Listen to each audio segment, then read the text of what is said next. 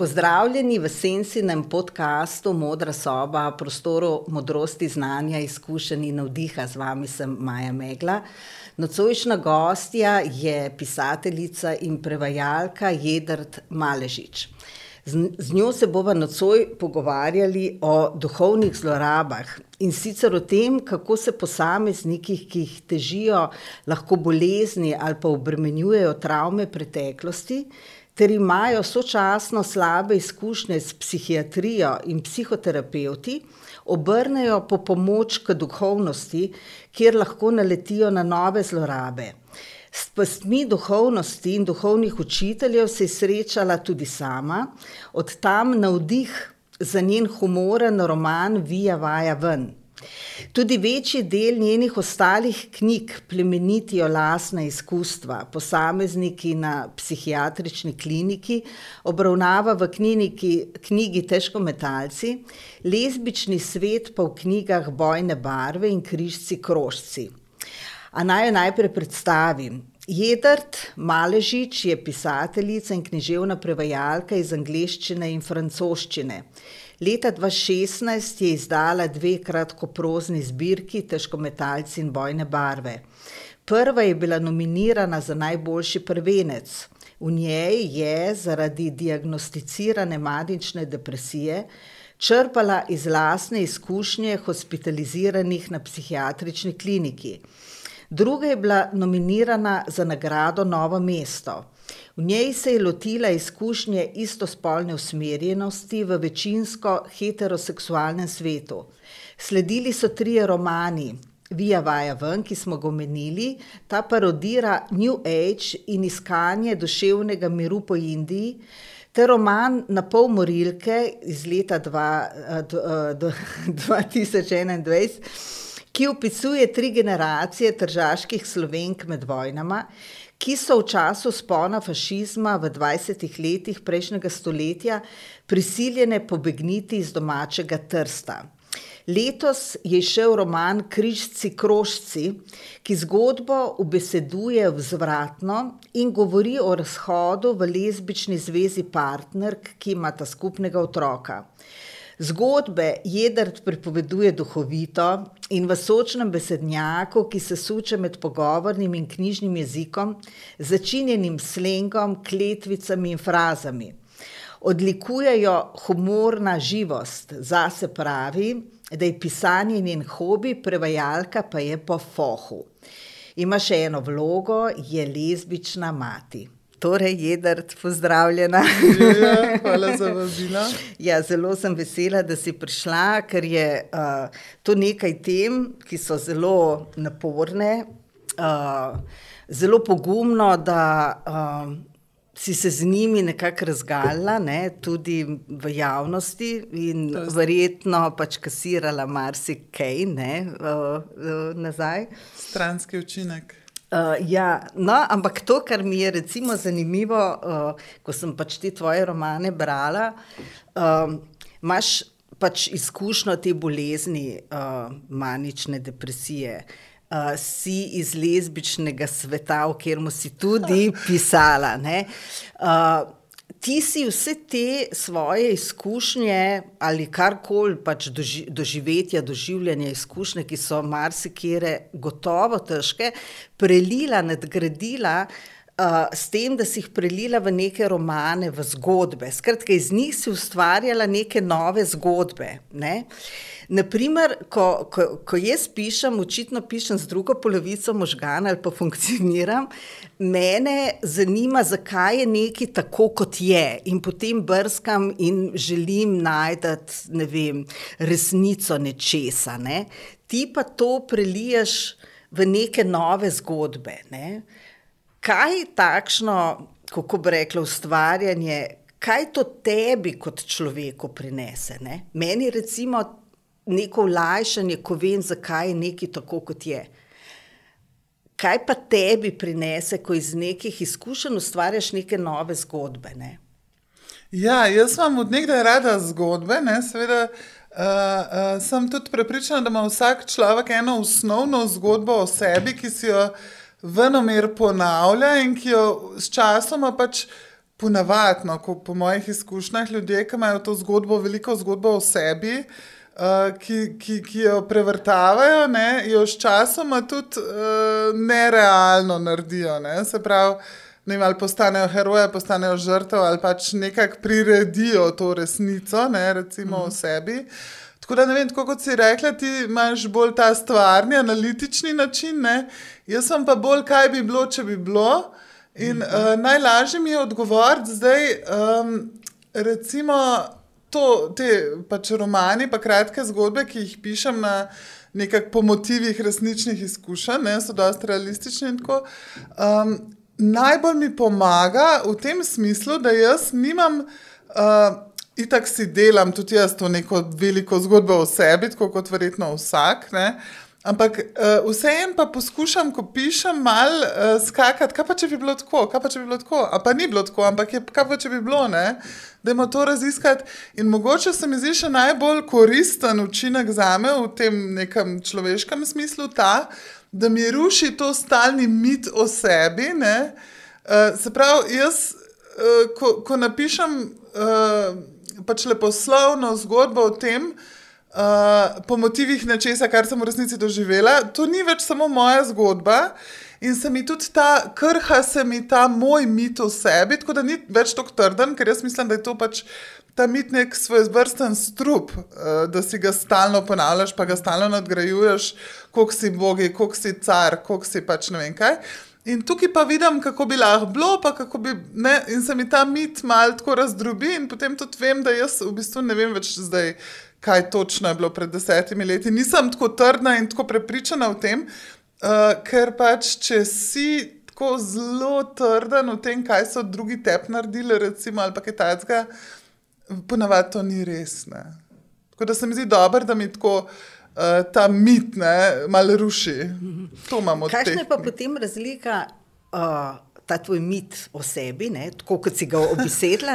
Kakšna je razlika recimo s tem, da se seveda zavedamo to, da se neprestano spreminjamo. Ne? Recimo, moje telo pred desetimi leti je imelo samo četrt celic v jedrih srcu, uh, ne vem, na koži, kot jih ima zdaj, ker se neprestano prenavlja. Kaj šele vse ostalo, vrednote so se, se spreminjajo, prepričanja, uh, ne vem, hierarhija teh vrednot. Pač, uh, človek je zelo spremenljiv in, in to je dejstvo. Ne? Tako da iz tega svojega vidika ne razumem tega mita o sebi, zato ker, ker se mi zdi čist nerealen, ker se skozi spreminjamo. Ne? Ja, seveda se zato pravim, da je toksičen, ne? ampak večina mm. ljudi, ki jih poznam. Pač, ali pa kar vsi, no? imamo neko osnovno zgodbo, kdo, kaj smo doživeli, oziroma kaj naj bi mi bili. Uh, Aha, tako, tako to, to pa razumem. Ja. Ja, pač, uh, uh, predstava o sebi, kdo naj bi ti bil. Ne? Recimo, jaz ne poznam strokovnega izrazoslovja, ampak tako se mi zdi, zdaj, ki si vprašala, kaj mi te knjige dajo. Ja. Krhajo mi to sliko, ne? kar je dobro, ker ta mm. slika je lažna. Mm. Uh, tvoje zgodbe so zelo humorne, zelo zabavne, zelo žive. Že v jeziku je tako, recimo, meni dajo tako svobodo, uh, Uh, zato, ker že v besednjaku, ki ga uporabljaš, si jo ti dovoliš, ne svobodo. In ker si jo ti dovoliš, si tudi bralec, ki, ki jadra na tej svobodi besed, ker se uh, seveda nihaš med slengom, knjižnim, pogovornim. Uh, tako da so zelo sproščujoče, humorne, zabavne, čeprav imajo tudi seveda izjemno take. Uh, uh, hude preizkušnje in globine. Ampak zanima me, kaj tebi predstavlja humor. A je humor nekaj, kar je možno se ga vsaj v določeni meri naučiti ali pa se odpreti do njega. A je humor tisti amortizer, strelovod, skozi katerega lahko neke take hude, težke življenjske izkušnje spustimo iz sebe. Kaj, kaj je tebi humor? Ja, to je zelo dobro, ta strelovod, to mi je všeč. Uh, v resnici na tej sami besedni ravni se mi zdi, bolj ko sem Uh, več, ko sem napisala, manj imam potrebe, da se ven mečem ne, s temi nekimi, recimo, novotvorjenkami ali kaj. Ampak uh, še vedno pa uh, uživam v, v besedišču, samem mm. v slogu. Ne. Zdaj, humor, pa definitivno bi rekla, da je tukaj v večini mojih knjig, če ne kar v vseh, uh, sredstvo preživetja, pač dejansko nek mehanizem spoprijemanja z hudimi, pač recimo tragičnimi. Mm situacijami. In tukaj se mi zdi pa humor um, ravno to, ne? ne da se ga naučiti, ampak lahko pa pride samo od sebe, vznikne, ki ga nujno rabiš. Ne? Pač, ne vem, nešteto, kad sem pomislila na to, kako je bilo v obleganem Sarajevu med vojno, kakšni vici so vse krožili. To bi sicer zelo temen črn humor, ampak pač dejansko ne, ga rabijo ljudje v najtemnejših trenutkih. Tako da, ja, na nek način mi je smešno, uh, če mi kdo reče, težko mentalce sem prebral, ful sem se krohotal. Mm. Meni to ni smešno, pač čeprav recimo deluje nekako humorno, ampak bolj v tem smislu, bolj preživetvenem. Mm. Tako da sem kar razočarana, če mi kdo reče, da so moje knjige ful smešne. Okay. Ni, uh, ne, ne, ne, niti, meni ni to, bi rekel, da so ful smešne, da bi bilo tako nekaj ho, ho, ho, hi, hi, hi. Ja. Sploh ne, ne, ker imajo pač globino še kako. Uh, mene so, recimo, ta, ta, ta zadnja, ne križci, krožci. Jaz sem bila pretresena, ko sem jo prebrala, tako čisto res, človeško mm. pretresena. Pa je uh, v besednjaku tako bogata in tudi ima take odštekane obrate, smešne, mislim, smešne, humorne. Tako, uh, ampak uh, lih ta celota je tista, ki se človeka dotakne. Ne? Ni samo ho, ho, ho, hi, hi, hi, humor, ne? pa tudi ne neka tako stroga resnost. Vse to, kar je tudi življenje, vse življenje je celota vsega tega, a ni tako nekako. Ne? Ja, seveda, in v bistvu najdeš to neko uh, humorno luč v najtežjih trenutkih. Mm. Saj jaz jo, mm. pač mm. brez tega ne bi šlo. Jaz bi rada imela, tako se naučila več, več uh, živeti z več humorja. Tako se mi zdi, da blagor se tistim, ki stresajo šale iz, tako, iz rokava, veš ne. Uh, ali pa tudi ne. ne? Ja, ali pa tudi ne, ne. Humor je v bistvu psihologija, ga uvršča med uh, tiste najbolj, kako bi rekla, um, najboljše oblike, najbolj, uh, najvišje bi rekla, oblike uh, psiholoških obramb. Ne? Ja, uh, obramba je točno ne, to. Ja. Pač uh, humorno odzivanje na neke težke situacije ne, mm. je kot tista najbolj žlahtna oblika psihološke obrambe. Ne. Ja, mislim, ne vem, žlahtna ali ne, včasih je zelo mm. neučinkovita. Ne. Če se terja nekaj resnega od tebe, mm. ti pa greš v totalno absurdno, ha, ha, ha. Pač včasih, ne vem, meni se zgodi, ker vidim, enkrat sem videla. Um, za avtobusa teč neko staro mamo, res mi je bilo grozno, mi je bilo pač srce se mi je paral. In jaz sem pač, moja obramba je bila, da sem prasenla v smeh. Recimo, pač taki primeri so, ker to res ni najboljša oblika spoprijemanja s stvarnostjo. Definitivno pa pač v svojih knjigah um, mislim, da, da, da ne zagovarjam tega ha-ha-ha humorja. Ne? Ampak bolj to kot mehanizem gledanja mm. na, na hude reči. Mm. Uh, ti si se veščine pisanja v, v, začetkih, še predno si se zares lotila, ne? si se tudi učila na delavnicah, si obiskvala par delavnic. Ne? Ampak zanima me, ne glede na te delavnice, uh, ker si tudi prevajalka, si skozi roke zlila ogromno nekih knjig. Kaj je za tebe res dobra zgodba? Oziroma, kaj te zmoti, ker včasih, ko vemo, kaj ne bi, ne, uh mhm. -huh. potem lažje dosežemo tisto, kaj pa bi ne. Kaj, kaj, recimo, kaj so dobre zgodbe? To je tako odvisno, seveda pač jo prepoznam, tisto, kar je meni dobro, ponovadi kar hiter. Uh, je pa tako, da pri knjigah, recimo, imam jaz še vedno najljubše tri knjige v zadnjem času, v desetih letih se to ni spremenilo. To so uh, Jeffrey Eugenides Middlesex, ki sploh pravi, da niti ni tako sloneča na stvarnosti, ne?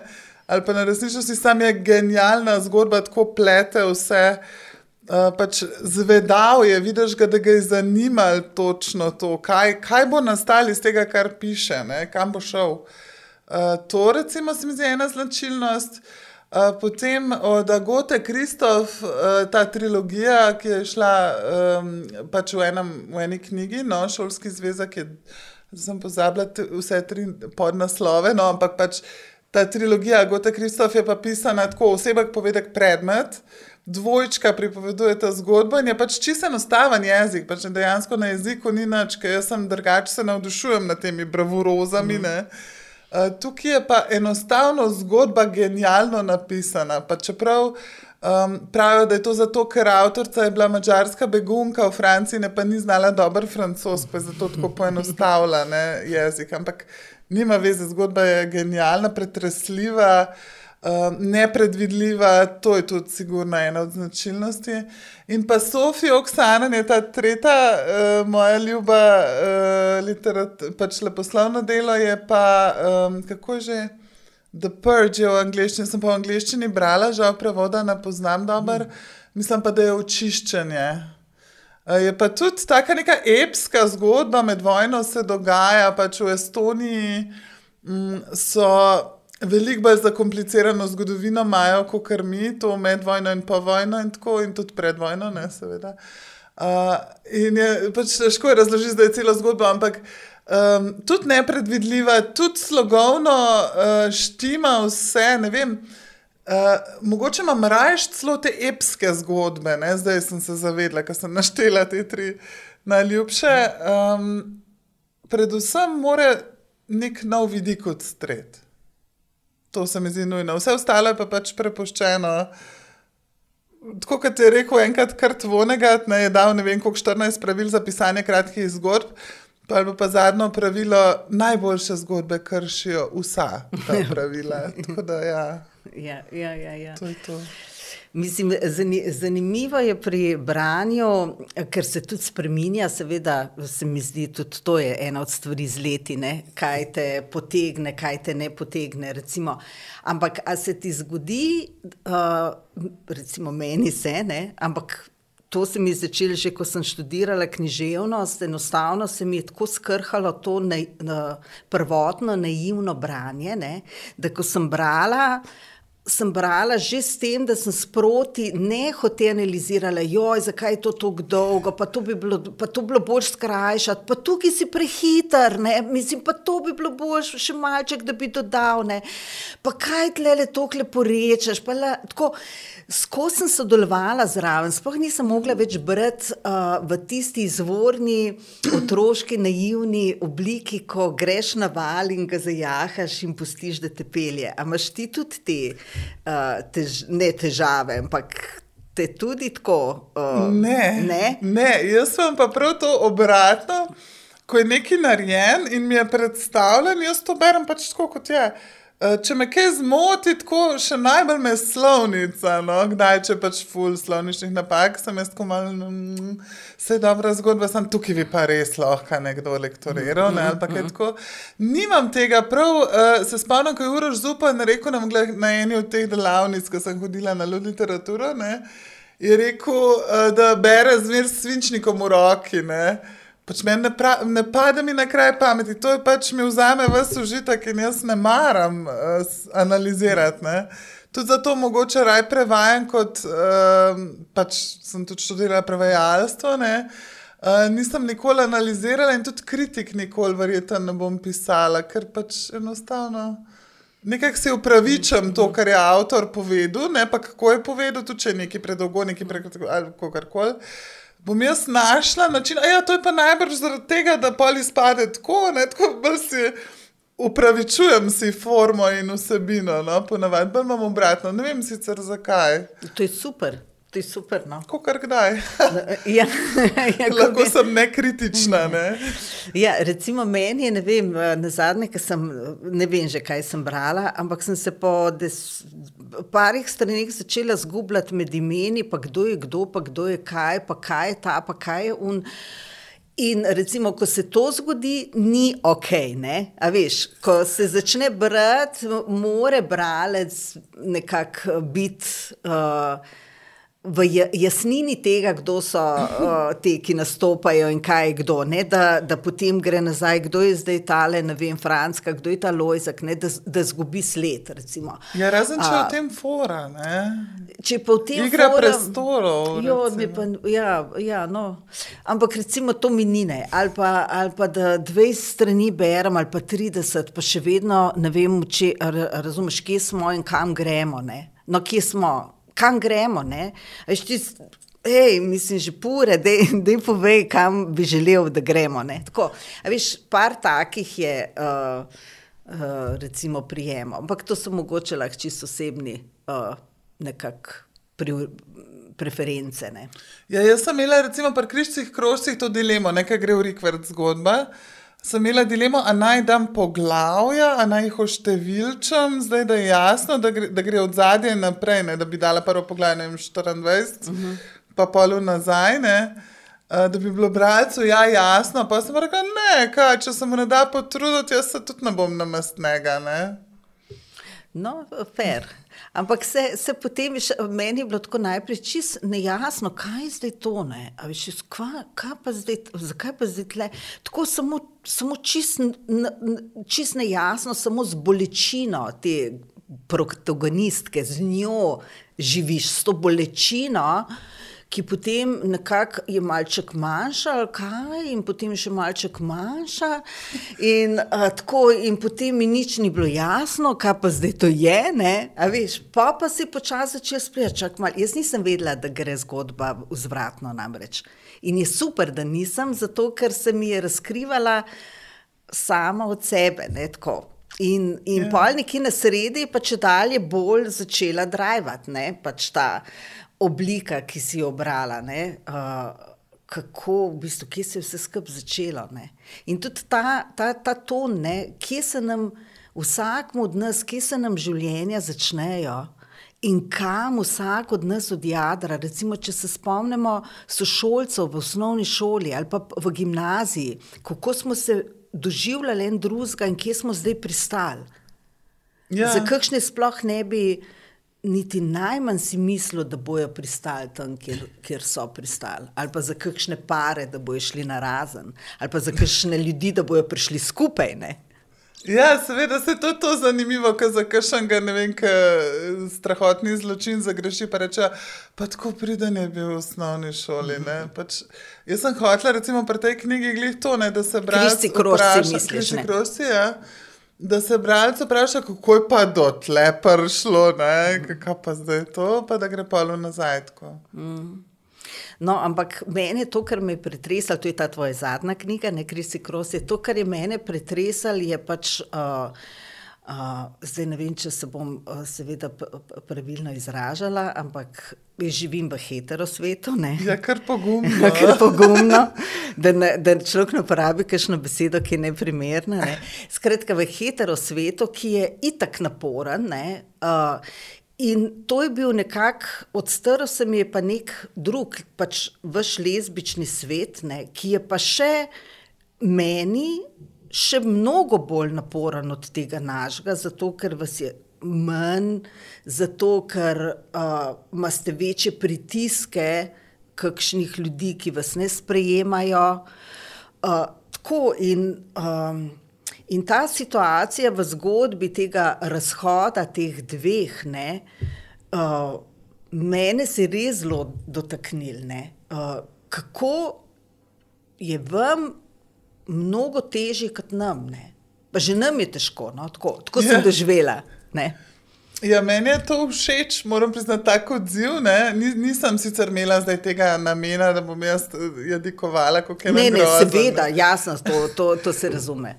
Uh, Sam je pa, po eni strani pa je najbrž res, ne vem, ne, ker jaz pa tudi uh, ne bi rada govorila zdaj za vse lezbike ali pa za lezbični svet, Ja, ker ja. pač ker je tako ni, ne.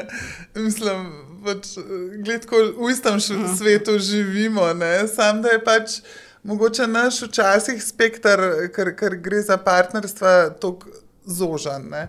S tem, da večina lezbik, ki jih jaz poznam, v bistvu živi dosti podobno uh, življenje uh, kot vsi uh, navadni ljudje. Ne. niti ni to uh, zdaj nujno, da si aktivist, pač seveda lahko si aktivist, ampak uh, še vedno večina. Uh, tako kot najbrž v, v vsakem svetu, večina ljudi ni ne, angažiranih tako zelo na vsakdanji ravni.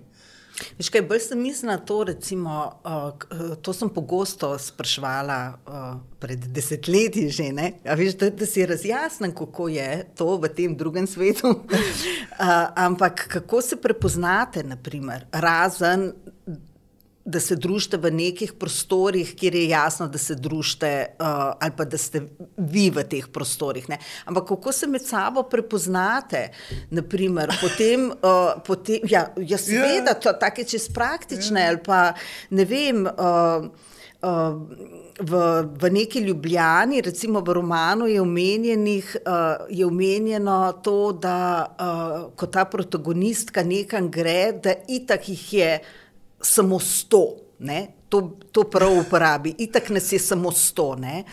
Viš, ta, ta, ta, ta, ta, ta, ta drobižek od, od ljudi, s katerimi.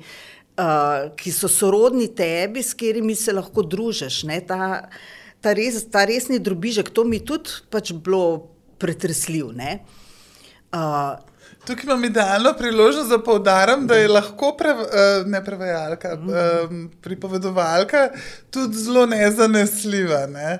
To, kar ona govori o lezbični sceni, to, kar, pač, kar je njen mit o sebi, ne?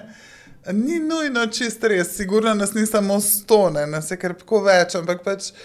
Um, Ona, verjetno, zdaj ne vem točno, kje v knjigi to reče, ampak verjetno tako za bruskaj, zdaj sto nas je, jaz pa v teh nobene nočem, kje si bom najdel. Ja, ja, v tem smislu, ja. Ne, ja, ne, no, to verjetno je mišljena mm. ta scena, bolj scena, ja, sej. Ampak lezbike v Ljubljani, ja, kvečemo, ja, pa vse ne. poznam, pa zdaj grem ven, pa itak vse poznam, pa sam sto nas je, pa kaj ne zdaj, ne. Ja, ampak tako, ona ima svoje ja, dileme, ja, ne, ja, sveda, ja, pač ja. ona tako razmišlja, to še ne pomeni, da je zdaj to čista resnica. Ja, ne. no, ampak vse je zožan, ne.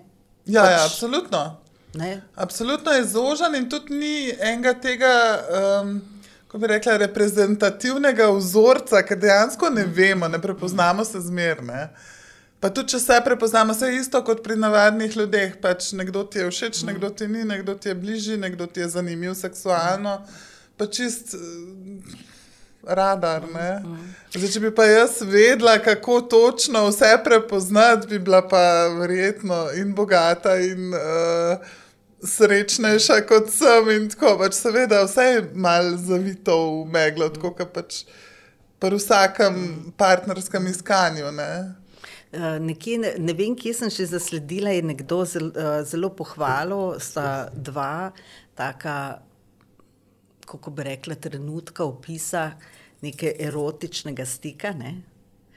Uh, in ko je roman šel proti temu, ne, se je v meni tako zgrnil, pa da vidimo, kaj bo jedr zdaj napisala.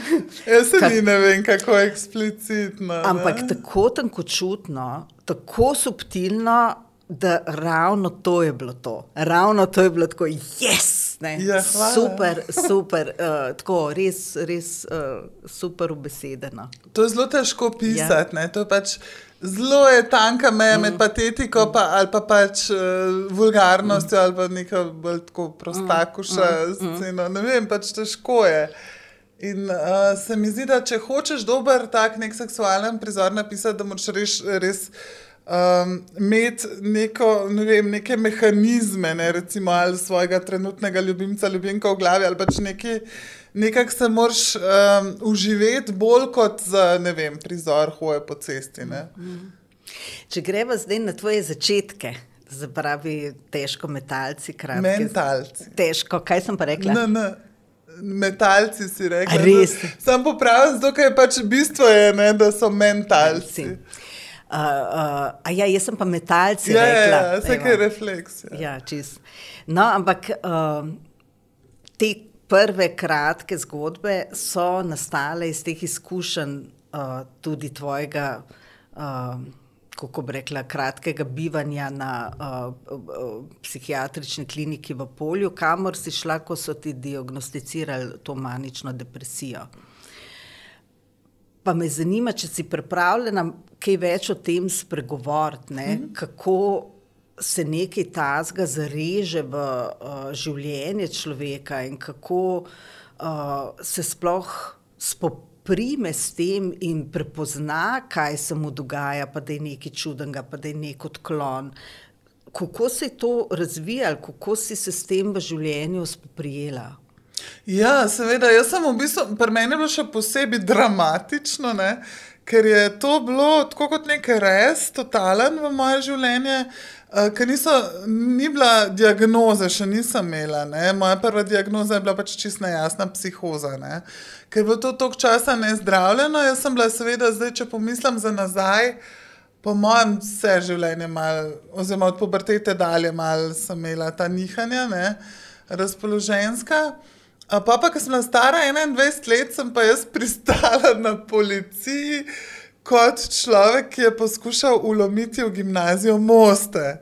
Do tega je pa prišlo tako, da sem jaz dejansko bila že tako odpuljena. Bila sem um, predtem na potovanju. Potovanja so tako pač tak pozitiven stres, ker vpliva na kakšne take bolj uh, nestabilne stanja. Ne? Uh, Sem bila zelo že privzdignjeno razpoložena, kot rečem, imela sem tudi razne te našalne misli, skratka, simptome sem že imela. Ne. Sem prišla z eno mesečnega potovanja, to je bilo leta 2000, in sem takrat prespala pri prijateljih, celo en je bil moj fant. No. Um, pač sem prespala in sem zjutraj tako zgodaj vstala, sem šla kar sama ven. In sem bila že v nekem filmu svojem, pač je bila dejansko že psihoza, tako hudo je bilo. Eh, v maničnem stanju. Pač to, ki je bilo že hudo, da sem jaz meni so se misli že fragmentirale, bila sem čist.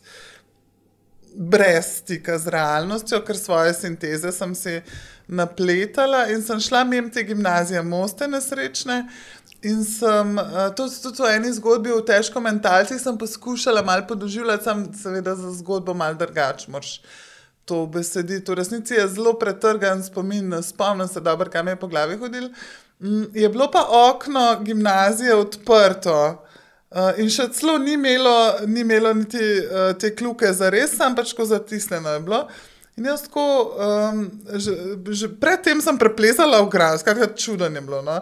In jaz pridem uh, tja in kar se mi zdi normalno, tle jaz lahko grem, to je vse moje. Ne? In odprem okno, vstopim v klet gimnazije in tam bluzim okoli in gledam neke žoge, ne vem kaj. In prijeta, uh, ja, alarm se je sprožil, seveda, ne. Prijeta dva policista. Uh, in jaz sem rekla, ah, to je pa zgleda gledališka predstava, nekaj sta kostumirana, kokar, ne. Uh, pač sta me uklenila in sta me odpeljala na policijsko postajo, ne, normalno. Uh, in sem nekaj, ne, tudi oni, tudi policaji so nekaj časa rabili, da so dojeli, da pač jaz nisem več imela namena ukrasti ali kaj takega, sem da sem pač res ne vem, kje sem in kaj počnem. Jaz sem imela pa več časa v glavi, da je to nek umetniški projekt, kjer oni mene zdaj pelejo na eno, kar ogled. Um, kako bi bilo, če bi bila jaz, recimo, zločinka, no in pač čist psihoza, popolna. In so me, seveda, odpeljali v polje, kjer jaz še ne vem, kaj, ne vem točno, zakaj sem skrivala dokumente. Tako da niso, mm, imela sem že tako nejasen občutek, da tole mogoče ni glih več ta predstava, ampak da je mogoče gre za res, pa da je mogoče ni dobro, da vejo, kdo sem. Mm, in pa smo tam še na ta, ta starejši, pač stara eh, psihiatrična klinika v polju, so me pridržali na sprejemnem oddelku. Uh, in so mi počasi, čez dneve, povedali, da, ja, da se mi je nekako snel, ne? tako se jaz pač jaz ne, ne uporabljam zelo korektnih besed, ampak da doživljam psihozo. Recimo, uh, Spomnim se, da me je prišla mama obiskat.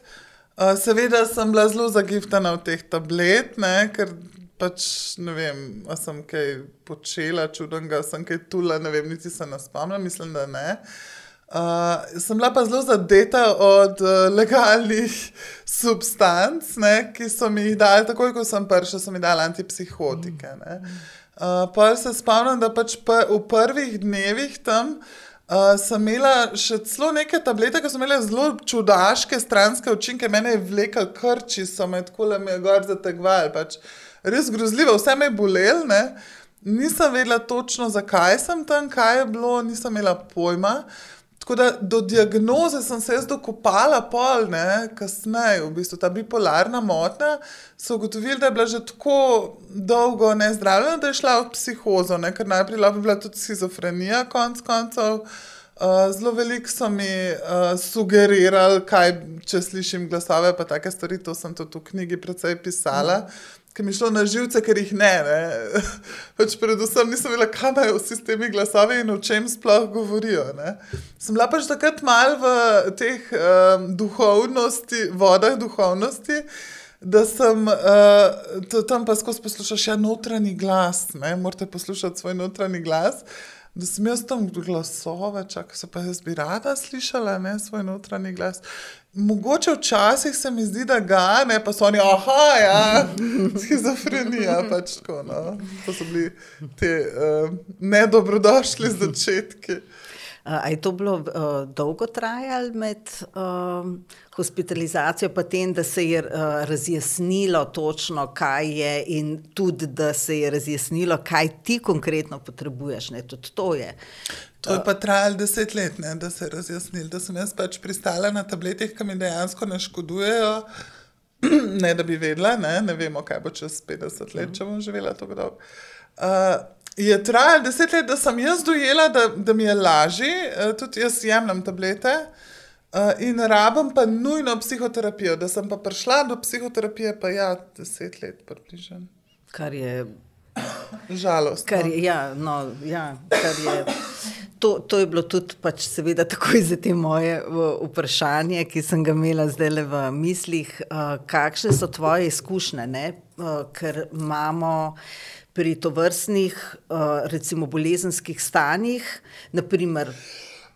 In, in, in manična depresija, ali depresija, ali karkoli, pač to vrstna stanja. No, ampak pri teh, pri teh stanjih um, razen v primerih, da gre res za neka kemična neravnotežja v možganjih, da gre res za te fiziološke uh, pojave, je ogromno pač teh bolezni, recimo, ali pa teh stanj, kot je depresija, ne, pri kakšnih tudi manija manj. Uh, rezultat enih življenjskih preizkušenj, ki ljudi lahko zlomijo. Ne? Jaz si to sicer lajčno razlagam, ampak jaz bi rekla, da ta uh, rezultat so kemična neravnovesja. Ne? Zaradi izkušenj oziroma mentalitete, ker če se karkoli travm pride do neravnovesij. Ne? Pač mislim, da je to to zaporedje. Pač, če je dost hudo, se že te neurotransmiterji, se že na fiziku poznane. To ja, samo podarila to. Nekaj je, recimo ob, ob rojstvu, kako bi rekla, um, tako kot uh, smo. Um, Kako reka, ko se rodimo, imamo predispozicije čiste lesne, v kaj bo telo šlo. Ne? In lahko je to vrstno neravnotežje v možganjih del te predispozicije. Ne?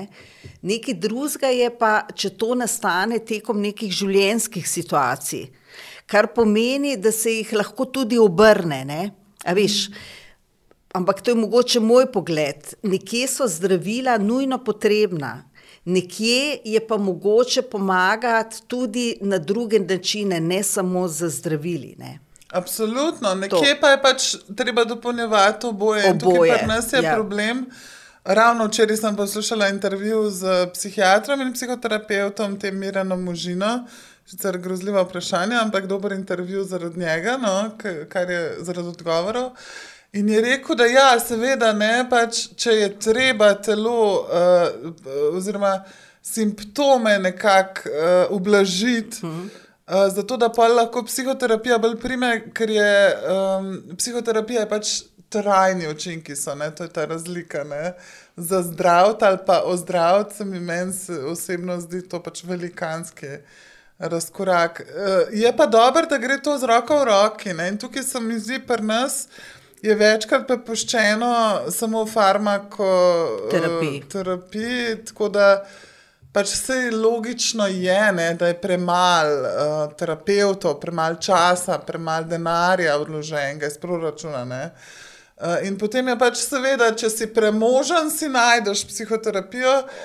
tisti, ki pa večina, ki pa nismo tako premožni, se moramo pa drugačne znajdati. In potem, recimo, sem jaz raziskvala to neko duhovnost ne, in končala v uh, duhovni skupini. Mm, mm. No, to je tudi pogosto se zgodi in zato je tudi ta. Uh, sem te prosila za ta razgovor, ne, ker so to tako zelo delikatne teme in tudi ljudje težko njih spregovorijo. Ne. Ampak um, za ljudi, ki, ki imajo ali, ali neke telesne težave, zelo bolezni, ali pa neke. Um, psihične bolezni, ne? skratka, neke težave ali bolezni v življenju. In pride do tega razočaranja s psihiatrijo, ker nudi samo farmakoterapijo, zdravila, ne rešuje pa izvornih problemov, ali pa naletijo na neke psihoterapeute, ki so v bistvu precejšnji luzeri in se tega lotijo, zato ker je tam noter kešne. Uh, pa, pa pride tukaj do hudih razočaranj, se mnogo krat ljudje potem obrnejo v duhovnost in tam iščejo potem neko pomoč. Ne? Kao, tam so pa good guys, ne? zato ker se z duhovnostjo ukvarjajo. Ampak tudi na tem področju. Je seveda ogromno in šarlatanov, in uh, trgovcev, in uh, manipulantov, in uh, pač psihotikov. Mislim, to je čisti divji zahod pri nas. Se je tudi, nažalost, psihoterapija. Tudi, Je tudi tako. Ja, ne, ni zakonsko regulirana še, ne, čeprav se pripravlja. Ampak ja, to je grozljivo. Pač si um, v slabi koži, si šibek in potem še naletiš na nekoga, ki ti reče: logično mu verjameš, ja, jaz vem, kaj rabaš, ne, oziroma pač malo bolj implicitno, verjetno. Um, seveda, ne, logično, da nasedeš na marsikaj in boš tudi pripravljen marsikaj dati za to, od materialnih stvari do zaupanja. Ja, ki je hudo, ni te cene, ki jo ne bi bil pripravljen plačati, da si pomagaš. Ja, se to tudi ponavadi argument teh marsikaterega šarlatana. Čakajte, hočete reči, da vi boste zdaj svojemu zdravju ceno postavili ali pa ne boste dali tri ure za moj tečaj. Mm. Ne, pač pa, pa res reči, se res, če bi pa deloval, bi bilo pa vreden. Ne? Večinoma ni, če ti mm. tako le začnejo mm. prodajati. Ne? Kakšne so bile tvoje izkušnje, oziroma kako si se ti zatekla v ta duhoven svet, po seveda kakšne tehnike ali pa po neke oblike, s katerimi bi lahko vem, bolj stabilizirala sebe, se umirila, verjetno, pač, uh, verjetno si iskala neke tehnike, ki bi tebe notranje stabilizirale, umirile, osrediščile. Kako, kaj si iskala in kam si prišla. No? Ja, zdaj, seveda, mene so pritegnile zgodbe. Ne, pač govorimo, ne vem, če lahko razimenom. Po moje, da, da, da iz neke korektnosti in spoštovanja ne, ne. ni treba ja, ja. imena. Okay. Sva, no, torej, za... duhovna učiteljica. Ja. Uh, je, uh, rada je uh, potovala in veliko je dejansko veliko ve o, teh, o šamanizmu in o domorodnih ljudstvih. Uh, Uh, in mene je to strašno pritegnilo, zdaj pač kot jaz mislim, da sem mal bežala, glej sem dobila to uh, diagnozo um, bipolarne motnje in sem mal bežala v neke zgodbe, ne, seveda hotla sem nekaj, da mi je bilo zanimivo in tako in sem pač na ta način šla na te njene uh, meditacije in tečaje. Um, iskala sem pravzaprav. Uh, Jaz mislim neko distrakcijo. Ne? Nisem se še zares takrat ukvarjala s tem, kako bi se spoprijela s svojo mentalno motnjo, ne? oziroma razpoloženska, mislim, da je razpoloženska motnja, ni mentalna, ampak ja, heavy mental. Da, da je tako um, izpadalo, tako da sem jaz pač mene blazno zanimala, pa kaj, pa kaj so rekli, ne, ta, ta uh, gospa je potovala med uh, konkretno pač ljudi, ki se še s šamanizmom danes ukvarjajo. Ne? Se mi je bilo strašno zanimivo, kaj je bilo tam, kaj je bilo tam. Žal ne morem reči, da je vse resno. Mislim, da bi bila z današnjega vidika malo skeptična, kaj so njej vse povedali, pa kaj točno je ona sama vdahnila svojega mnenja v to. Uh, Ampak to me je pritegnilo, ne zgodbe, spet zgodbe in ko rečeš neka mistika uh, domorodnih ljudstev, ki jo še danes ohranjajo, pa vendar je um, nekako enemu smrtniku v kapitalizmu dokaj nedostopna. Ne. Um, poleg tega glasba, glasba mi je zvok, mi je strašno uh, ljubo, mi je bilo to pač, kako so potekale te meditacije. Uh, še največ problemov sem imela s to meditacijsko skupino, ker sem videla, da tam pa res nimam nič skupnega z večino ljudi, ne z redkimi posamezniki. Ja. Um, ampak tako, iskala sem nekako um, bolj jaz individualno stik um, s tem, ja, pač mogoče z neko mistiko, ne, pač čez neko osnovno, od nekdaj me je to zanimalo in sem blazno veliko prebrala z tega področja, tudi New Age, tudi prevedla sem veliko pofla New Agerskega. Ampak prebrala sem tudi par teh stvari, um, ki pa še danes nekako so uporabne in jih uh, tudi nosim s sabo, ne konc koncev. Tudi tako, um, skoraj bi rekla, psihoterapevtskih, ne, že od sanj do, do raznih teh mehanizmov, kako se s svojimi uh, družinskimi vzorci spoprijemati in tako naprej. Um, jaz nisem imela takrat nobene psihoterapije, pač niso mi je niti ponudili, niti nisem vedela, da je možno dobiti, ne da bi si bi pač strašno veliko denarja zmetala za to. Tako da sem polje izpadla, tako da sem zmetala strašno veliko denarja za duhovnost, kot rečejo, to novodobno duhovnost, ki je bila v bistvu starodobna, ampak recimo. Um, pa tudi zašla sem. Uh, to se je z leti zaostrovalo, ta nek kult osebnosti te duhovne učiteljice. Sem imela občutek, res, da je bilo na nek način zlorabljeno zaupanje, tako kot ti um, rečeš, duhovna zloraba. Ne? Z leti, sigurno. Jaz sem tam ene deset let preživela, plus minus, v tej duhovni skupini. In je bilo že tako čudno vse, da, da ne bi mogla reči, niti da je ta, um, uh, ta pač gospa uh, delala to, kar je govorila. Ne bi mogla niti reči, da mi je pol na koncu prav pomagal, ker se mi zdelo, da mi že pravzaprav škodi. Um, sem pa takrat zelo fanatično se spomnim. Pač sem, jaz sem imela skozi občutek, da moram delati na sebi, da ni nič ni bilo za dost. Pač morala sem kopati, trame ven, praskati. Ne? Pač tako neki z enim krampom in lopato, kar sem enkrat rekla, pa se mi zdi še danes, se mi zdi dobro. Da je to neka zemeljska zadeva, ne? to ni nekaj, kar te odpihne med zvezde, ampak je nekaj konkretnega, da pač po sebi greš, dobesedno riješ, kar pa je psihoterapevtski postopek, pravzaprav. Sam da je pač tam je bilo rečeno, no, da to ni mentalno, da to pač tako na nivoju bolj oh, kaj, sem, kaj je to duša, recimo, ne pač nekaj enega duha. Mm, in ta vzgoja duha se mi je zdelo, to se mi je zdelo vse smiselno. Ne? Dokler nisem poštekala, da pač ni čisto kot zveni. Veste, kaj je spraven duhovna zloraba, zakaj tako besedujem? Ja. Meni je to um, nastane takrat, uh, ko nekdo, ki dela z nekim človekom ali v psihoterapiji ali na teh duhovnih uh, dimenzijah, se vse en.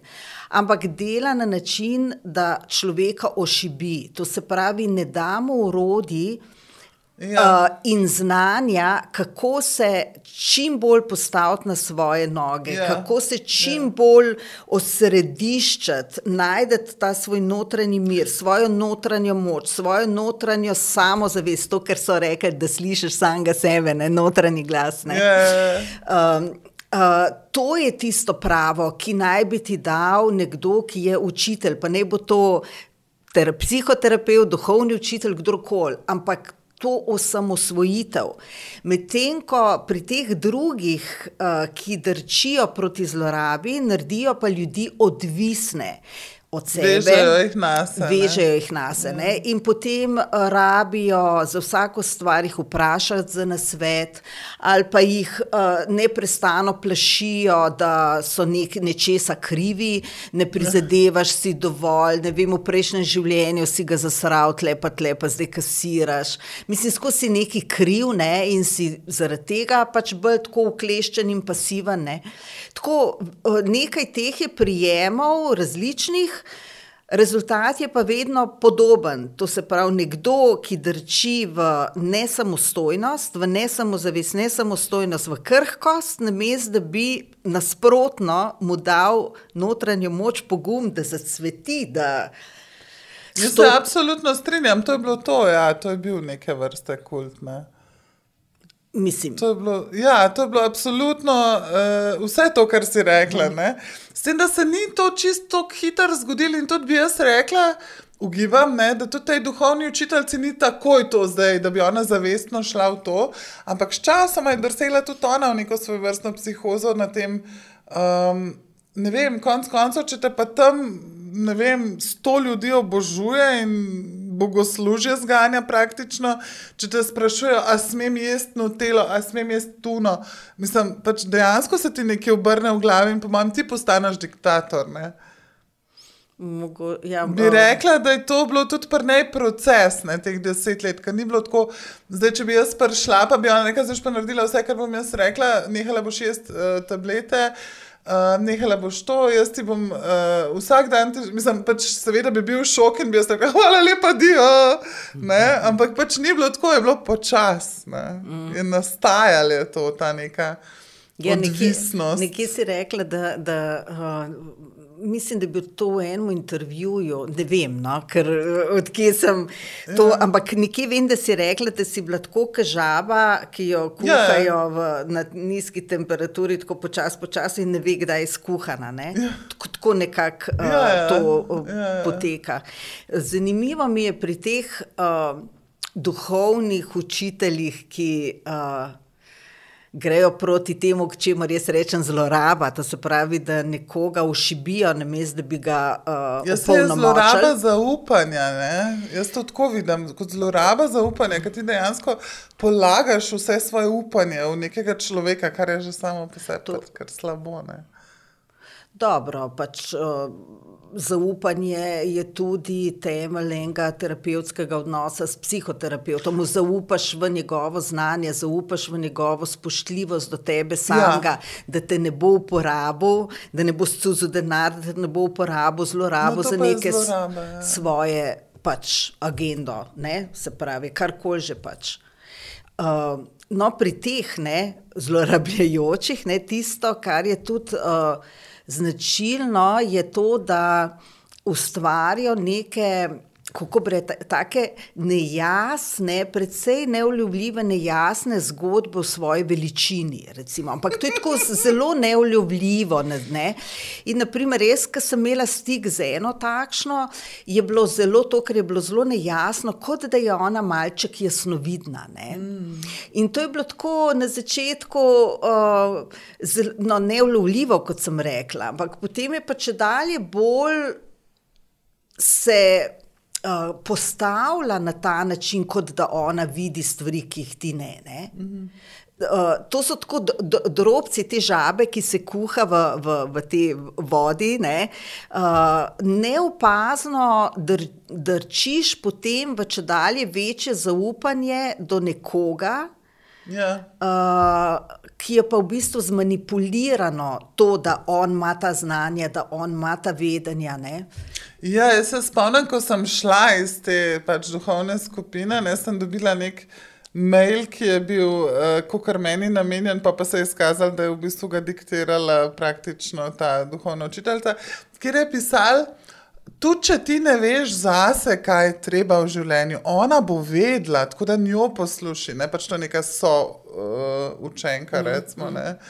Uh, mi je napisala in takrat pa je bilo pomeni, da je to malo bolno. Da sebe nam posluša, da bom nekoga drugega od zunaj, da mi diktira. In sem napisala, oprosti, to pa že zveni kot Jehovove priče.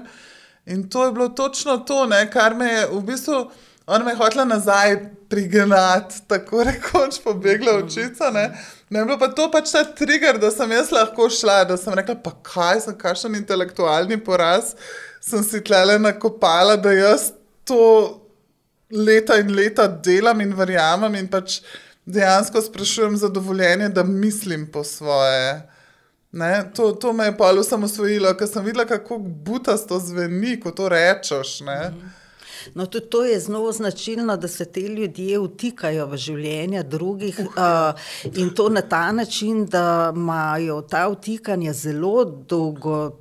Globoke in dolgosežne posledice, recimo, v to, da sta dva, moški in ženska, za ustrezna partnerja, ne, se vtaknejo, da ne, da bolje, da gresta na razen, se vtaknejo v, ne vem, v neko poslovno življenje nekoga, se vtaknejo v to, kako se nekdo oblači, da ni v redu, ni v redu, da si v teh barvah to škodi, ne vem, čemu že. Ne, in se yeah. Ja. potem pol ljudje začnejo nekako drugače oblačiti, ne, ker yeah. Ja, imuno ne ustreza tako, če dalje bolj si nelagoden v tem, da si to, kar si, ker ne smeš biti to, kar si, ampak moraš biti nekaj drugega, zato ker nekdo pravi, da je tisto bolj za tebe. Tako, skratka, spodnesejo tlano. Ja, predvsem na vse imajo odgovor. Ne? Če boš ti rekel, ja, ne vem, če me je glava, seveda, ker spa v črnem, ne se ja, ja, čuda, ja, da te glava ja. boli. Tako, če dobro pogledaš, tako analitično, um, čist neka osnovna inteligenca ti veleva, sam bež stran. Ne? Ampak tam, ki si nekako, jaz ne vem, kako do tega točno pride, ena odvisnost se zgradi. In pač enostavno si kuhan in, in se navadiš tako živeti, kot je en drug rekel. In pač mm, zato pravim intelektualni poraz, ne sam ga sebe povoziš. To sem že, ko smo se pogovarjali pred tem srečanjem, sem se uprla temu. Uh, jaz to res ne jemljem kot intelektualni poraz, sploh pa ne tvoj. Ne? No. Ampak je, uh, to, to, to so neki čustveni vozli, ja. ki jih pač ja. more človek odvozlati. Zato pa tudi išče uh, pomoč. Ne? Če ne bi imel te čustvene vozle, ne bi niti rabo imeti pomoč. Pač išče neko pomoč in tukaj se ne, ne, ne, nekje zahakla. Ne. Ja, seveda, naiven uh, si, ranljiv si. Ne? Ja, ampak to nima veze z inteligenco, to, je, to ima veze z neko čustveno ranjenostjo, ki jo pač. Uh, rabimo za cilj, in tukaj na tej poti se lahko zgodi stran pot. Ja. Pač, prav, veš, ja. Ker je krivično do sebe, tako, ne, res. Ja. Uh, ni to noben poraz, pač neka rana, ki se je rabila nekako za cel ali, ali, ali karkoli že pač. In tukaj ja. je prišlo do neke stran poti, in, uh, ampak tudi ta stran pot ti je dala mnogo tere izkušnje. Pač, jaz sem hotla, zdaj le sem razmišljala, ko si govorila. Uh, v primerjavi ne, s, s kakšno psihoterapijo ali pa pač psihoanalizo, kot slišim, ne, ne poznam osebno, ampak kjerkoli psihoterapija ti bo, če boš ti rekel, a naj naredim to, ne vem, naj se ločem, banalen primer, ne iz mojega življenja. Ampak uh, ti ne bo dala direkt odgovora, ne bo rekla, pač ne vem, se hočete ločiti, zakaj bi pa hotel se, kaj pa, kaj pa je, ne, kaj pa v čem je problem. Uh, Medtem ko te uh, duhovne avtoritete bo rekla, seveda, ločite se, ali pa pač ne, ne, ne, to pa boh ne da. Pač mm. Absolutne odgovore dajo. In tako se mi zdi, to se mi zdi že nek pokazatelj, tudi intelektualen, mm. konc koncev, oziroma pač nekako uh, intuitiven. Da je dobro je stran ali pa z rezervo imeti. Čim ti kdo reče, to pa rekel, sicer sem prevajala tega ošota kontroverznega duhovnega učitelja, ja, ne zelo ja, pač. Ja, ja, ja, zelo tudi veliko stvari na robe in tako naprej. Ampak dobro je rekel, aha, če pa. Aha, ste me vprašali po duhovljenih ljudeh. No, če srečate kakšnega zelo poduhovljenega človeka, se obrnite in stecite, kot vam mnoge dajo. Ne. Pač to, da sami sebe tako nekako rovinko razglašajo za razsvetljene. Ne pa nikoli za res, pa, pa vprašaš, pa ti kaj. Trdiš, da si razsvetljen. O, ne, ne, jaz noč ne trdim, to pač kaže. Mislim, tako, to pač te zaviti odgovor. Jaz imam tega tako poln kufr, mm. da pač tudi prepoznam, že tako imam detektor od takrat, ko se mi je to zgodilo. Ampak, Kar je dobro. Ampak so pa tudi drugi duhovni učitelji, ki pa nič od tega ne počnejo. Ne?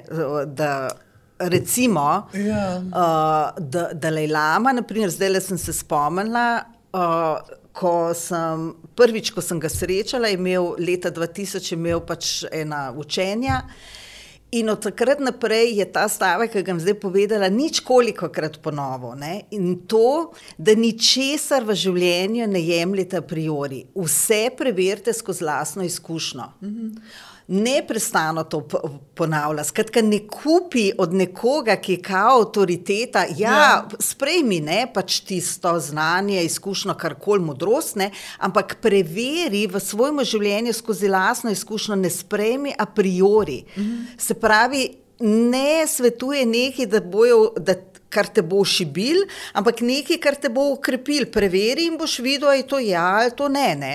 Ja, pa tudi zaupati sebi, predvsem intuiciji. Sam ne moreš zaupati si, če si popolnoma usmerjen, da ti v vse diktira neka druga oseba, kaj smeš, kaj ne smeš, ali smeš dihati, ali, ali smeš to jesti, ali smeš to barvo nositi. Ja. Pač, uh, to popolnoma ušibi človeka. Uh, To, da pa preverjaš vse skozi lastno izkušnjo, te pa ukrepi, zato ker če dalje bolj sam pri sebi ločiš, kaj ti bi in kaj ti ne bi, kaj je spremljivo in kaj ni. Ne? Ja, tudi časoma se mi zdi, prijaš do tega, a je to zdaj ta nek ego, ki ga pač v duhovnosti zelo radi uporabljajo, tudi kot izgovor ali pa tudi kot uh, pojasnilo za vse slabo. Um, A je to zdaj, a, a govori iz tebe nek ranjen ponos, naprimer, ne, ali pa, pa dejansko ti bil v to smer, čutiš intuitivno in zaveščaš s celim telesom, da bi v to smer. Ne. Recimo, pač se naučiš tako, tako kot regulirati bipolarno motnjo, konc koncev, ne, dovolj se moraš poznati, da lahko živiš s tem pač mirno, brez stalnih nihanj in epizod. Mm. In tukaj uh, se mi zdi, tako v duhovnosti, kot pri uh, pač tej duševni ne, bolezni, čeprav mm. je vedno bil absurd, duša ni bolna, ne, ja, ampak pač, pač duše, duševnost, recimo, ja, pač. možganska bolezen. Recimo pač bolezen tudi, možgan. ne. ne. Ja. Razpoloženska, ja, ja. tam je še najbolj znosna, no? pač razpoloženje, nekje tle, nekje naštima. Mm, mm. Ampak uh, to sem hotel reči, da, da uh, pri vseh teh stvarih je pač odločilnega pomena, koliko se poznaš. Koliko sam pa sebi veš, dokje bi želel iti, dokje je lahko dobro zate, kaj je tvoja pot, kam bi ti rečel, oziroma čutiš, da je treba. Ne, in tako naprej. Uh, pač dejansko to poznati in tudi uh, ko se poznaš in ko veš, ko si v stiku sam s sabo, tudi takoj prepoznaš šarlatane. Absolutno. Je pa tudi še en tak axiomček, ki ga mhm. jaz skratka vedno uh, uporabljam, mislim, ne uporabljam, tako živim. Uh, preverjam, da tisto, kar človek govori, tudi živi to je pač, a, a to, kar ti govoriš zdaj, a to ti tudi živiš. Če tega ne živiš, čao, sam, sam bejš. Zato, ker manipulira, ne teguje iz sebe, ustvarja neko zgodbo, ki ni resnična in podobno. Ne? Uh, Jaz sem imela tudi dilemo, obstaja nek blazno, dober, moj najljubši slovenski pregovor. Povej. Modrega kočjaža tudi slep konj pripelje domov. Pač lahko tudi on sebe golfa, pa ti nekaj odneseš od tega. Ampak tako, če je v vlogi učitelja in avtoritete, pa, pa absolutno ja, je kar dober, da dela tisto, kar govori. Ne? Če mm. pač ne, pa ni niti no. avtoriteta, no. niti učitelj. Ne? No, pa tudi uh, manipulira in so njegovi uh, cilji, če, če uporablja manipulacijo, so njegovi cilji nečastni uh, sebični, zavajajoči in tako naprej. Ne? Recimo ja. ta duhovna učiteljica, o kateri pač ti govoriš, ne? jaz jo tudi poznam, ne? tudi sem jo srečala uh, pred mnogo leti, desetletji. Um, tako, kakšno leto sem bila v stiku z, njim, z njo, in ko sem odpotovala uh, k uh, Dalajlami na intervju, sem delala intervju za sobotno prilogo, ker je on uh, prišel v Slovenijo leta 2002. Intervju, ja. Ja, no in, in, ampak to smo urejali še pa še dolgo časa. Uh, zaradi tega intervjuja sem dvakrat bila tam v Dramsali in tako naprej. To je bilo res, tako, res napo naporno in dolgotrajno delo. No, in pa je prišlo do tega intervjuja, ki se je posnel v Dramsali. In ko sem šla tja, je ona prosila, če se lahko pridruži, zato da bi izkusila pač budiste in tako naprej, ne, ne vezala stik z njimi. in je takrat že v javnosti se predstavljala kot nekdo, ki živi na prani. To se pravi, to pomeni, da ne, ne je nobene konkretne hrane, ampak presnavlja pač neke. Uh, snovne, um, eterične, kakršne koli pač uh, energetske oblike, direktno v telo. Skratka, ne rabi hrane za življenje. Ne? No, in na tem potovanju je pred mano jedla vsak dan paradižnikovo juho. Ne? Kaj to ni hrana ali kaj? To ni, mislim. Je bila prosvetljena hrana. Lej, pač, Obsijana uh, s kozmičnimi šarki. Uh, pač, uh, to, to je tisto, kar je, recimo, kar je meni uh, strašljivo, strašljivo zavajanje ljudi. Uh, kar koli že pač delaš in kar koli učiš, ali pa kjer koli tehnike, prakse, uh, mislim, to je resno zavajanje. Ti živiš na neki ravni, na kateri pač ne živiš. Ne? Ne. Uh, tako, meni se je recimo takrat to precej, mislim, ne precej, absolutno zlomilo, mislim, kaj pa je zdaj to. Ne? No, in potem čez mnogo let mi je prišla v roke, ker, ker je začela pisati pač knjige o teh svojih znanjih.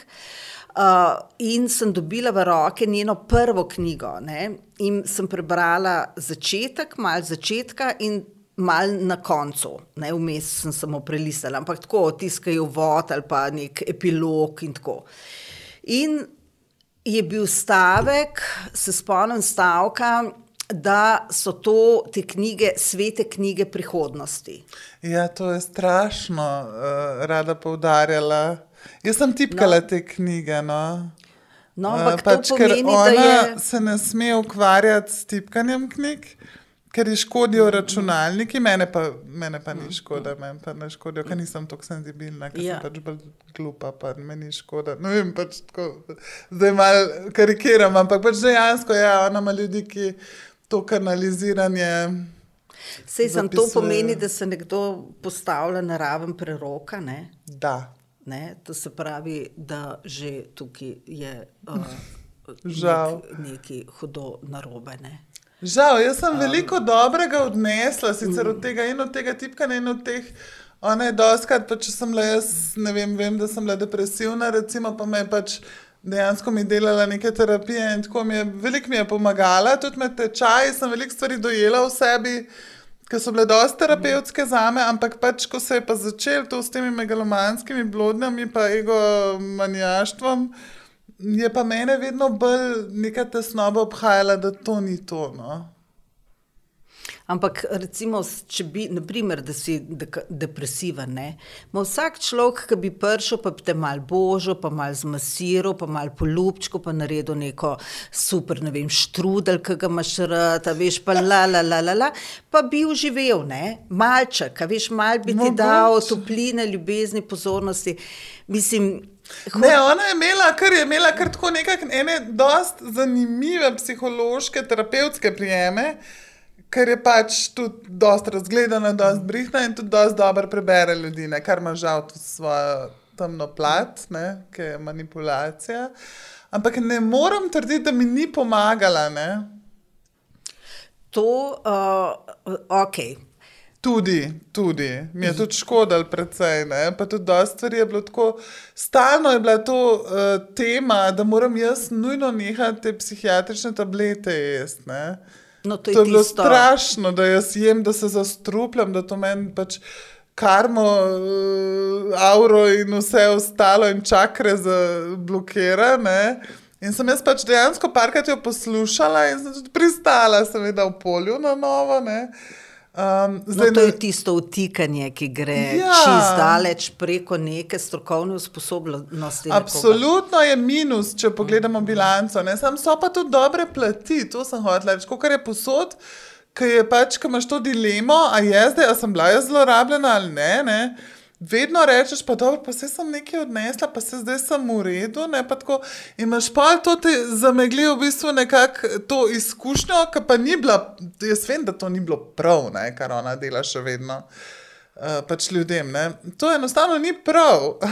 Sam kako naj, mislim, naj vsak sam do tega pride, ker ne moreš ti pa nekomu, ki je odvisen trenutno, uh, ki to rab, ki mu je to res, ne, res neka uh, rešilna bilka. Jaz ne morem iti tja njenim učencem, pa začeti tu, vi ste vsi tle zlorabljeni, ne pač recimo, ne pač ta dilema je.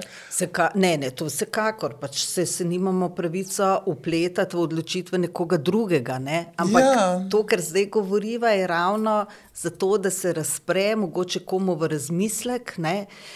Uh, da, da, da ga nekdo ne ulovi na take načine, oziroma kje, kje, kje so tisti elementi, kjer lahko prepoznaš, da si ta žaba, ki se kuha v kotlu in ja. uh, ne ve, da se kuha. Ne? Kje so tisti mehanizmi, elementi, ki jih pa lahko prepoznaš, da delo z nekom nima čiste osnove, da recimo nekdo manipulira, da te izkorišča, da utika se v tvoje življenje daleč preko tega. Usposobljenosti njegove, yeah. Ja. da se vtika v ne vem, kaj, kaj ješ, kaj, kako se oblačeš, kako spiš, s kom si v partnerstvu, kaj v življenju počneš, in tako naprej. Uh, da te stvari pač ljudje nekako prepoznamo. Ne? Ker... Jaz bi predvsem rekla, da je mogoče najpomembnejše tukaj, da kader imaš sam drug impuls, da bi šel v drugo smer, kot ti ta pač bilo, avtor, uh, mislim, katera koli avtoriteta, uh, ne samo duhovna, ampak katera koli veleva. Uh, da bi sam čutil, da bi pa ti nekaj drugega, absolutno si, si dolžen to narediti. Zdaj ne, ne govorim o tem, da greš nekoga udariti ne, ali pa kaj pač tacga, to ne. Ampak če ti čutiš zase, da bi rad, ne vem, sprobal, kaj jaz vem, pisanje knjig, recimo. Ne, Pa ti bo ona rekla, da to pa absolutno ni zate, ne? pač absolutno si si dolžen sebe poslušati. Ker je vseeno, v bistvu je vseeno, um, če si ti, kar uradno po neki duhovni lestvici napredoval, če, če nisi za res, če ti čutiš, da bi nekaj drugega, pa itak nisi na tistem klinu, ki pač te.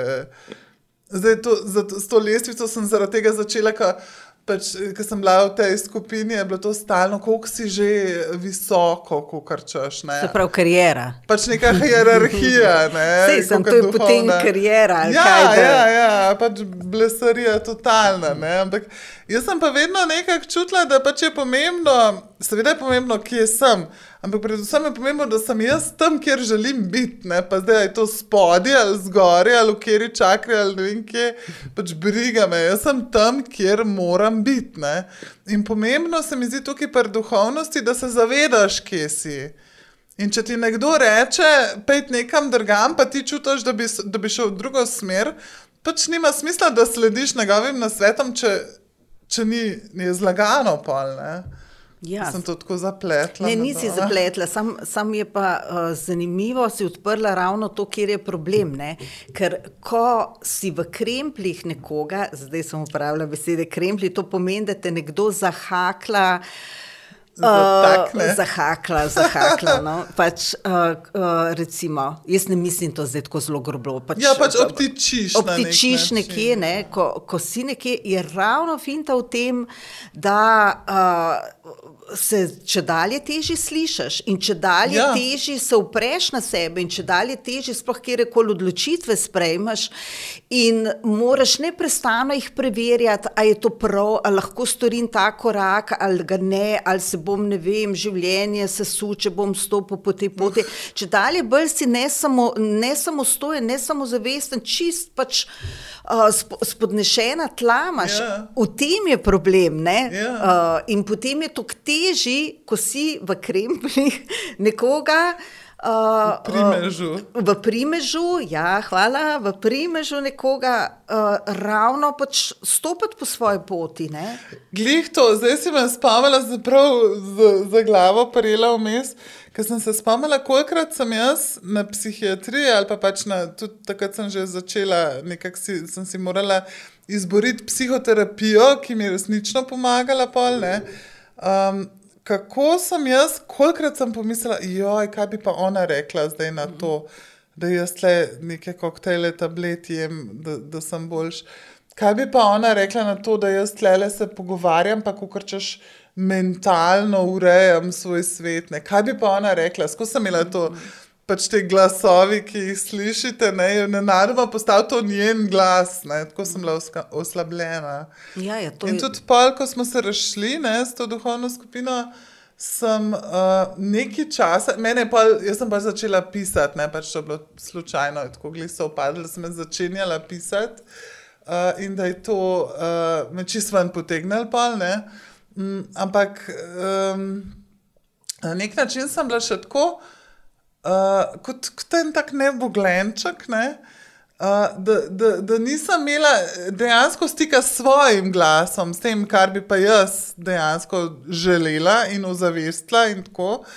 in ja, to, mislim, ja, sem potrjujem, kar si rekla. No. To, to je to, da te do te mere te oslabi, um, da enostavno ne veš več, kaj bi, ne, da ti nekdo diktira od zunaj. Ne. Ampak misliš, da je bilo slučajno, da si začela pisati ravno takrat, ko si se nekako prebujala? In, uh, ne vem. Ja. No, ampak kako si se, kako se je zgodilo to prebujanje? Veš, ker to verjetno ni nekaj, da bi se zgodil v trenutku ko bi mentalno, intelektualno zaštekel, da ja, to pa ni prav, mhm.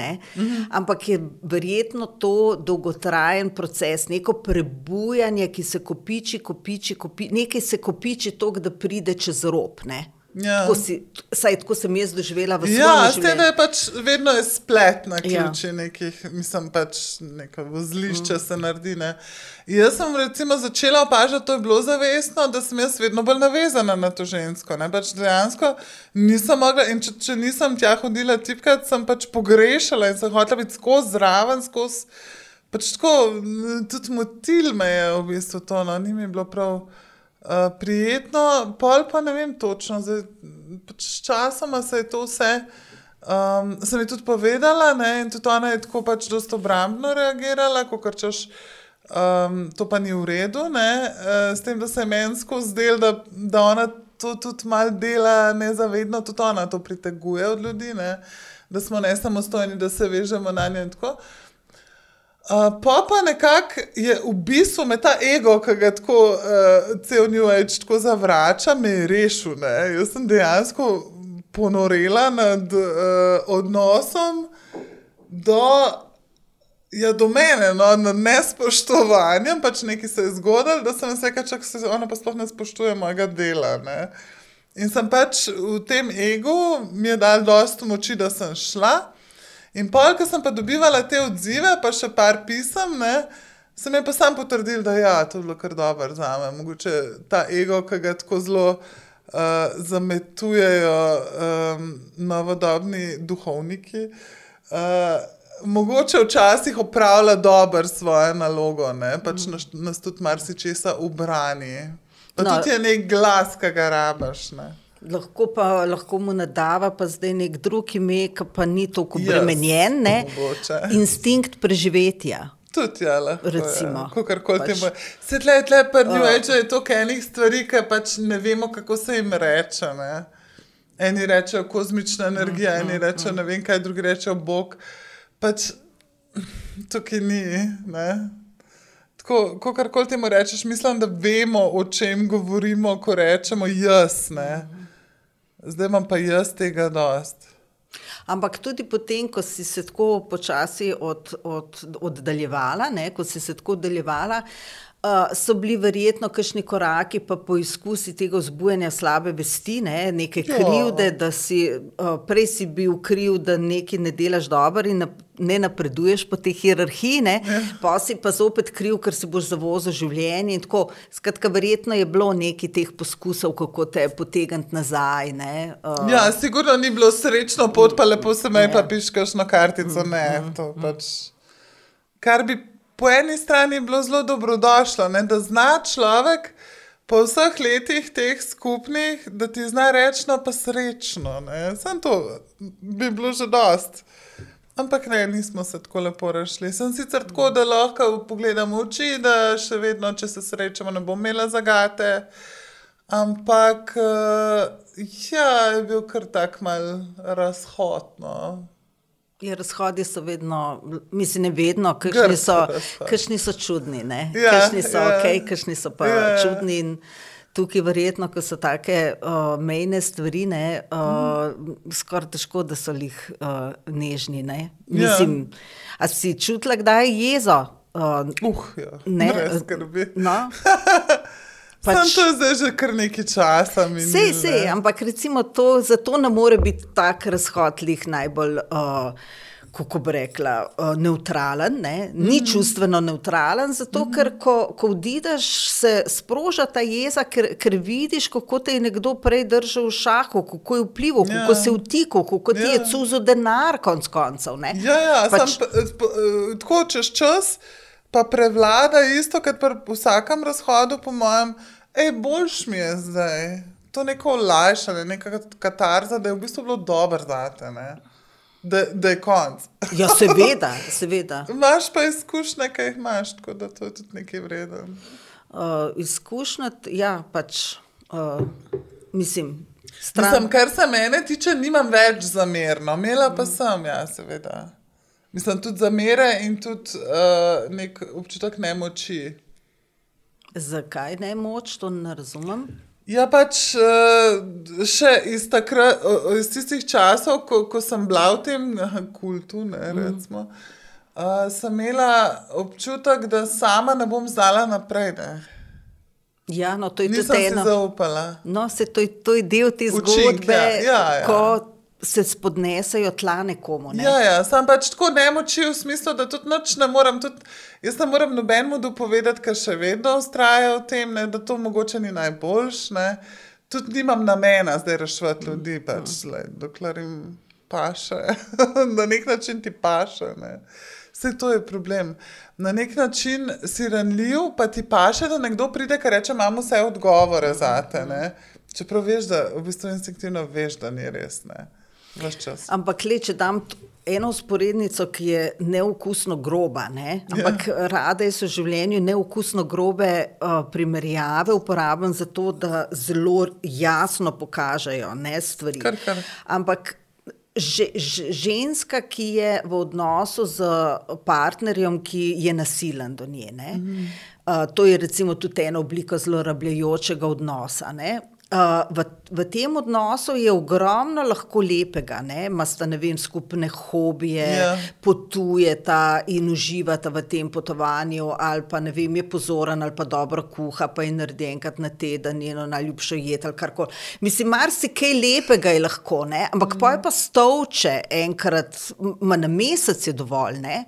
Pač in tisto, Enkrat je dovolj. Ja, no, in tisto enkrat, ko gre čez. čez kako bi rekla, od teh ta prevlada in uniči vse uno, ne uniči tisto, kar je lepo, ampak enostavno um, tega človeka ne boš meril po unih štrudlih, po vsemu lepemu, po potovanjih, ki ga boš z njimi preživel, ampak boš tega človeka meril izključno po tistemu malemu enemu tepežu, ki je šel čez mero. Ne? Ta ja. človek je nasilen, stran, čao, kjuzo, nič noče med s tabo. Ne?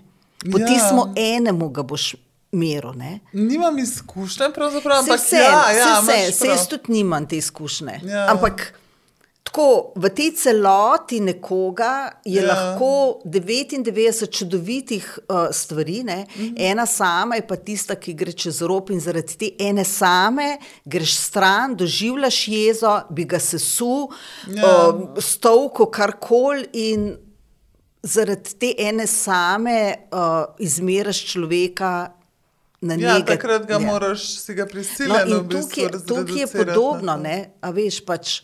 Sej, sej, uh, ne vem, meditacija me, je med nami tisoče let ne, in, in, in, in tehnik in praks je ogromno. Ne, in te ljudje, ki so v teh duhovnih krogih kot učitelji, ja, mislim, če to počne nekaj let, ima neke veščine, ki jih lahko nekomu preda. Veš, uh, ali pa ne vem, rejki del, delo z energijo ali pa z pač, zdravljenje z, z, z, z energijo. To je tudi sto let, sto let in več že med nami. Ja, to ne. so zelo stare modrosti. Pač, ja. Ampak veš, kaj sem zdaj pomislila? Jaz v bistvu, jaz sem tudi udarim sali v Maklot Ganžo uh Mhm. -huh. in sem uh, pomislila, da te budistični menihi, ki so tam.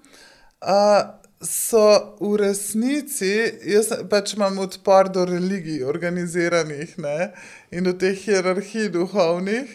Um, in je v bistvu strašno razočaranje bilo za me, ko sem prišla v Indijo, ne tja gor v znožje Himalaje, pa to. Ker so te uh, budisti, ki so čez hodili iz Tibeta, ne, so, so bili tako dogmatično verni. v resnici. Jaz sem vedno živela nekako v tej neki orientalističnem prepričanju, ne, v bistvu, da je budizem pa malo bolj filozofija, pa da je bolj duhovno, pa, tako, pa da ni tako religija. Ne. Je, vse je. To, to je pač same neke dogme povsod. Mislim, jaz em, nimam nič proti meditaciji, pa vse, niti proti religijam v bistvu ne.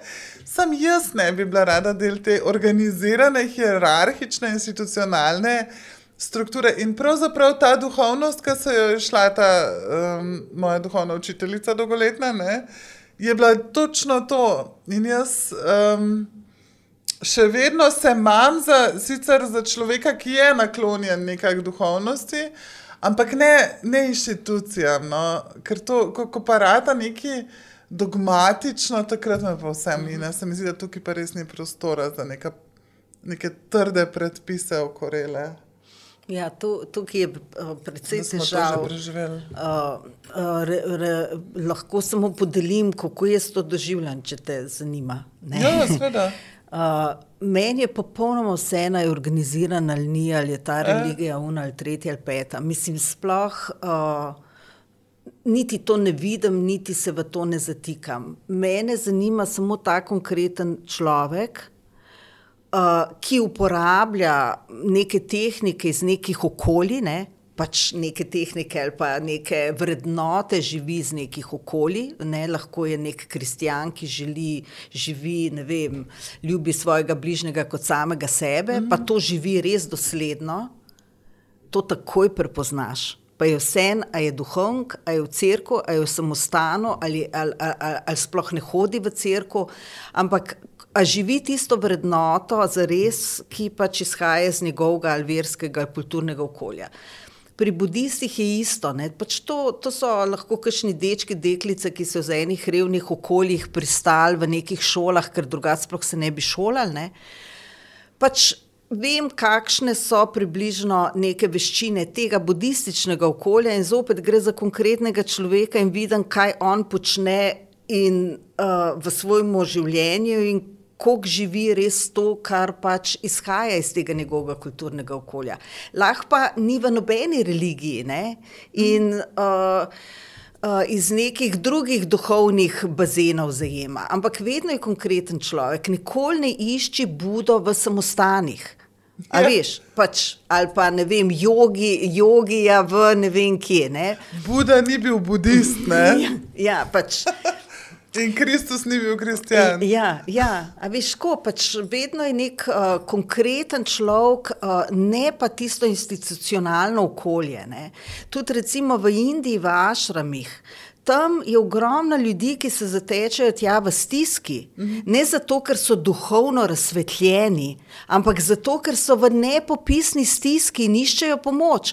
In zdaj priješ ti v Ašram in ocenjuješ te ljudi, ki so tam, ne? in seveda na koncu zaključiš, da je to čisto odbit folk, ker je, ampak tam so zato, ker so v stiski. Ne? Če ne večina njih, da se razumemo.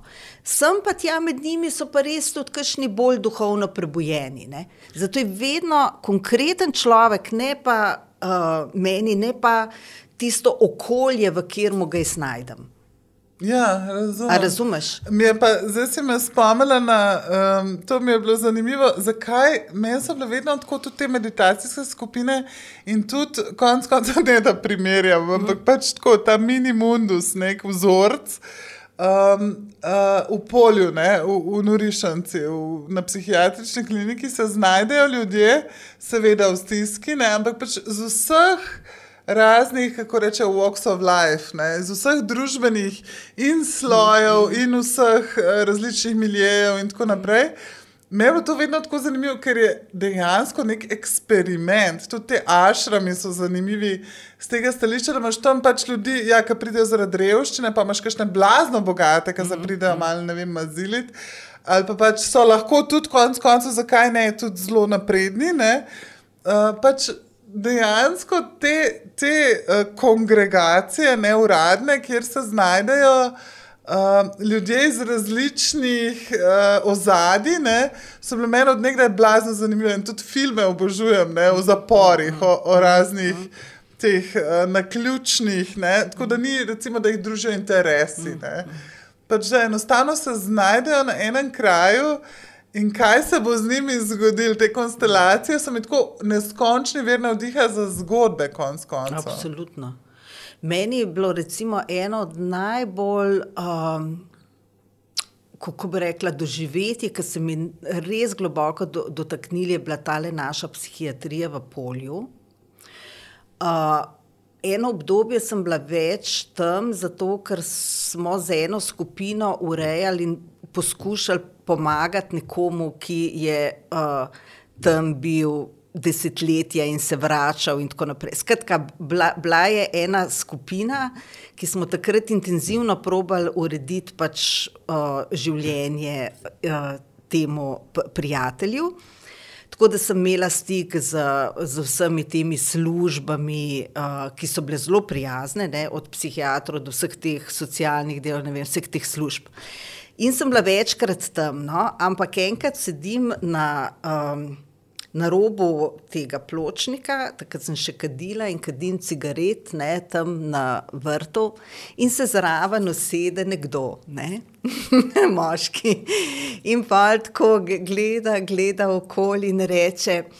Prijateljica moja, a mi lahko daš en cigaret, ne? ampak to je tako res ljubeznivo. In jaz mu dam. In sem rekel, da si, si čist prijazen moški. Ne? Pa pa začne, Viš, kaj se mi včeraj zgodilo, z nekaj. Ti prišli so, veš, prišli so z vesoljsko ladjo in tam le so parkirali, in pol je, aha, že so skrenule zgodbe. Ne? In pol mi take odvite zgodbe prepodval.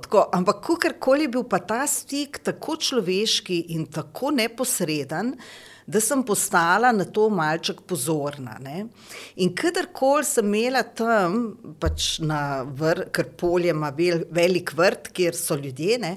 tam s katerim koli stik na kakšni klopci ali karkoli, je bil vedno ta neposreden, topo. Človeški neposreden stik. In v bistvu je, da sem zaznala, da sem prvič v življenju doživela odnos brez mask. Brez mask, brez, brez mask. Uh, skritih motivov, ja. verjetno. Prvič, ja, prvič v življenju. In jaz bi vsakmu, ne sem svetovala, ma pejte tja, pa to je boljš od kjerkoli psihoterapije, dolgoročne, ne, doživeti. Enkrat v življenju stik z ljudmi, brez mask, brez teh namenov, agende ali česar koli, ta res neposredni človeški stik. In to je bilo meni Uno, wow, eden od največjih darov, daril, darov, res. Ja, polje bi bilo super, če ne bi bilo zdravnikov. Ja, pa pač, če ne bi imeli ljudje težave, recimo, ki pač kašni so res pač v težavah. Ja, pa v, tudi agresivni. Ja, ja tako, ne, ne. Pa tako, pa pač ta zdravila, pa to, to je res hudo. Ne. Tam mi je en pokazal, je rekel, tako je uh, pest uh, dlan, je pač, je rekel, dlan mi je pokazal, je rekel, veš, vsak dan za polno dlan zdravil pojem. Ne? A veš, ja. tako res ogromno. Tako da to ni, ni, ni, ni, to pri, ni, ni fajn. Ne? To ni človeka. Ampak to, ta stik z ljudmi tam. Ti to je pa res bil eden od močnejših doživetij v življenju. A pa misliš, da jaz te vrnem vprašanje, a misliš, da če bi se ti to zgodilo na prešercu, da, da bi bilo tako močno, ali je pač ta kontekst bistven, da si imela mogoče ti mal predsodek do njih.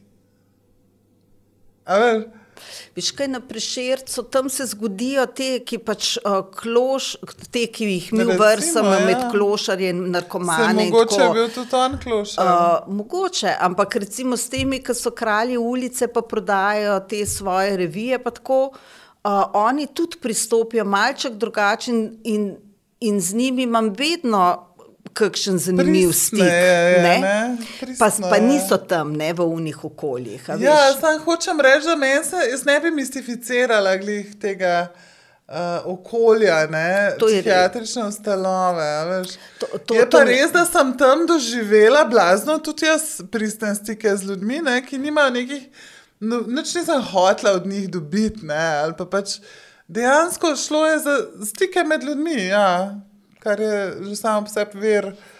Uh, neke topline, ne, recimo. ali pa tudi, čua, včasih tudi se zdravsajo. Ne.